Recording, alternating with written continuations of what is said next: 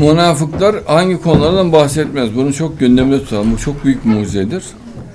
Bak münafık ısrarla İslam'ın hakim olacağından bahsetmez. Hiç hoşlanmaz. Çünkü İslam'dan nefret ettiği için İslam'ın hakim olması onun için bir kabustur. Ve asla bunu duymak istemez. İslam'ın hakim olması. Müslümanların topluluk halinde yaşaması münafığın hiç hoşuna gitmez. Çünkü parça parça küçük küçük bölünmesi ister Müslümanların.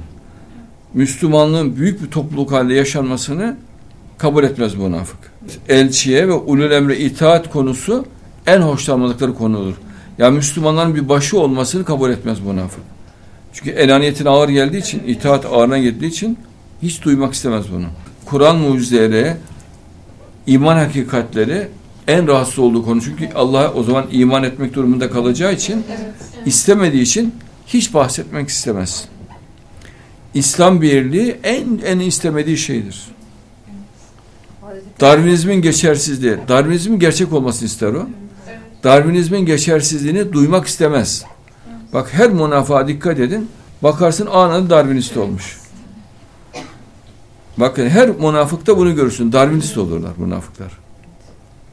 Hayır öbür kafir ya başka ateist şu bu falan olabilir o ayrı. Ama münafığın ısrarla Darwinist olması çok mandardır. Hemen Darwinizmi savunur. Ve homoseksüellerden yanadır münafık. Homoseksüelleri destekler. İşte bu da çok şaşırtıcıdır. Hazreti İsa'dan nefret eder münafıklar. Mehdi'den nefret ederler. Deccali hiç kabul etmezler çünkü kendi reisleri olduğu için. Peygamberimizin gücü, kudreti onları çok rahatsız eder. Hanımlarının güzelliğinden hiç bahsetmezler.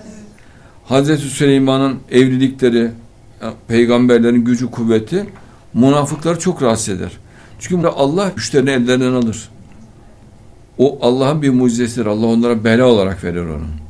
Peygamberlerin gücü, kudreti de onları çok rahatsız eder. Konuşmak istemezler. Müslümanların zenginliği en ağırlarına giden şeydir münafıkların.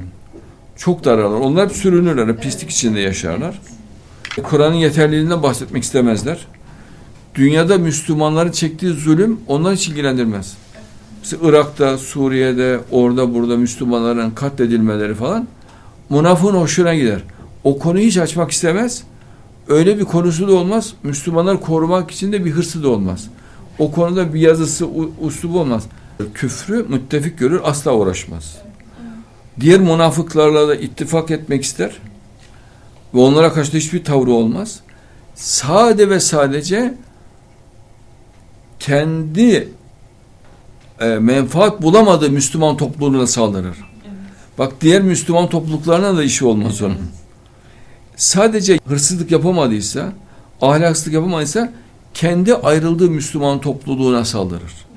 Ve en etkili gördüğü kimse onlara saldırır. Bunun dışında bir gücü olmaz. Asla ve asla Kur'an'ı duymak istemez. Ama kendi çıkarları için mecbur olduğu için hiç alakası olmayacak şekilde tevil ederek Kur'an'ı kendi çıkar için kullanmak ister. Bunu Peygamberimiz büyük bir tehlike olarak söylüyor. Münafıkların bir vasfı olarak. Bakın hemen görürsünüz. Münafın başka hiçbir konusu yoktur. Varsa yoksa etkili gördüğü Müslümanlar.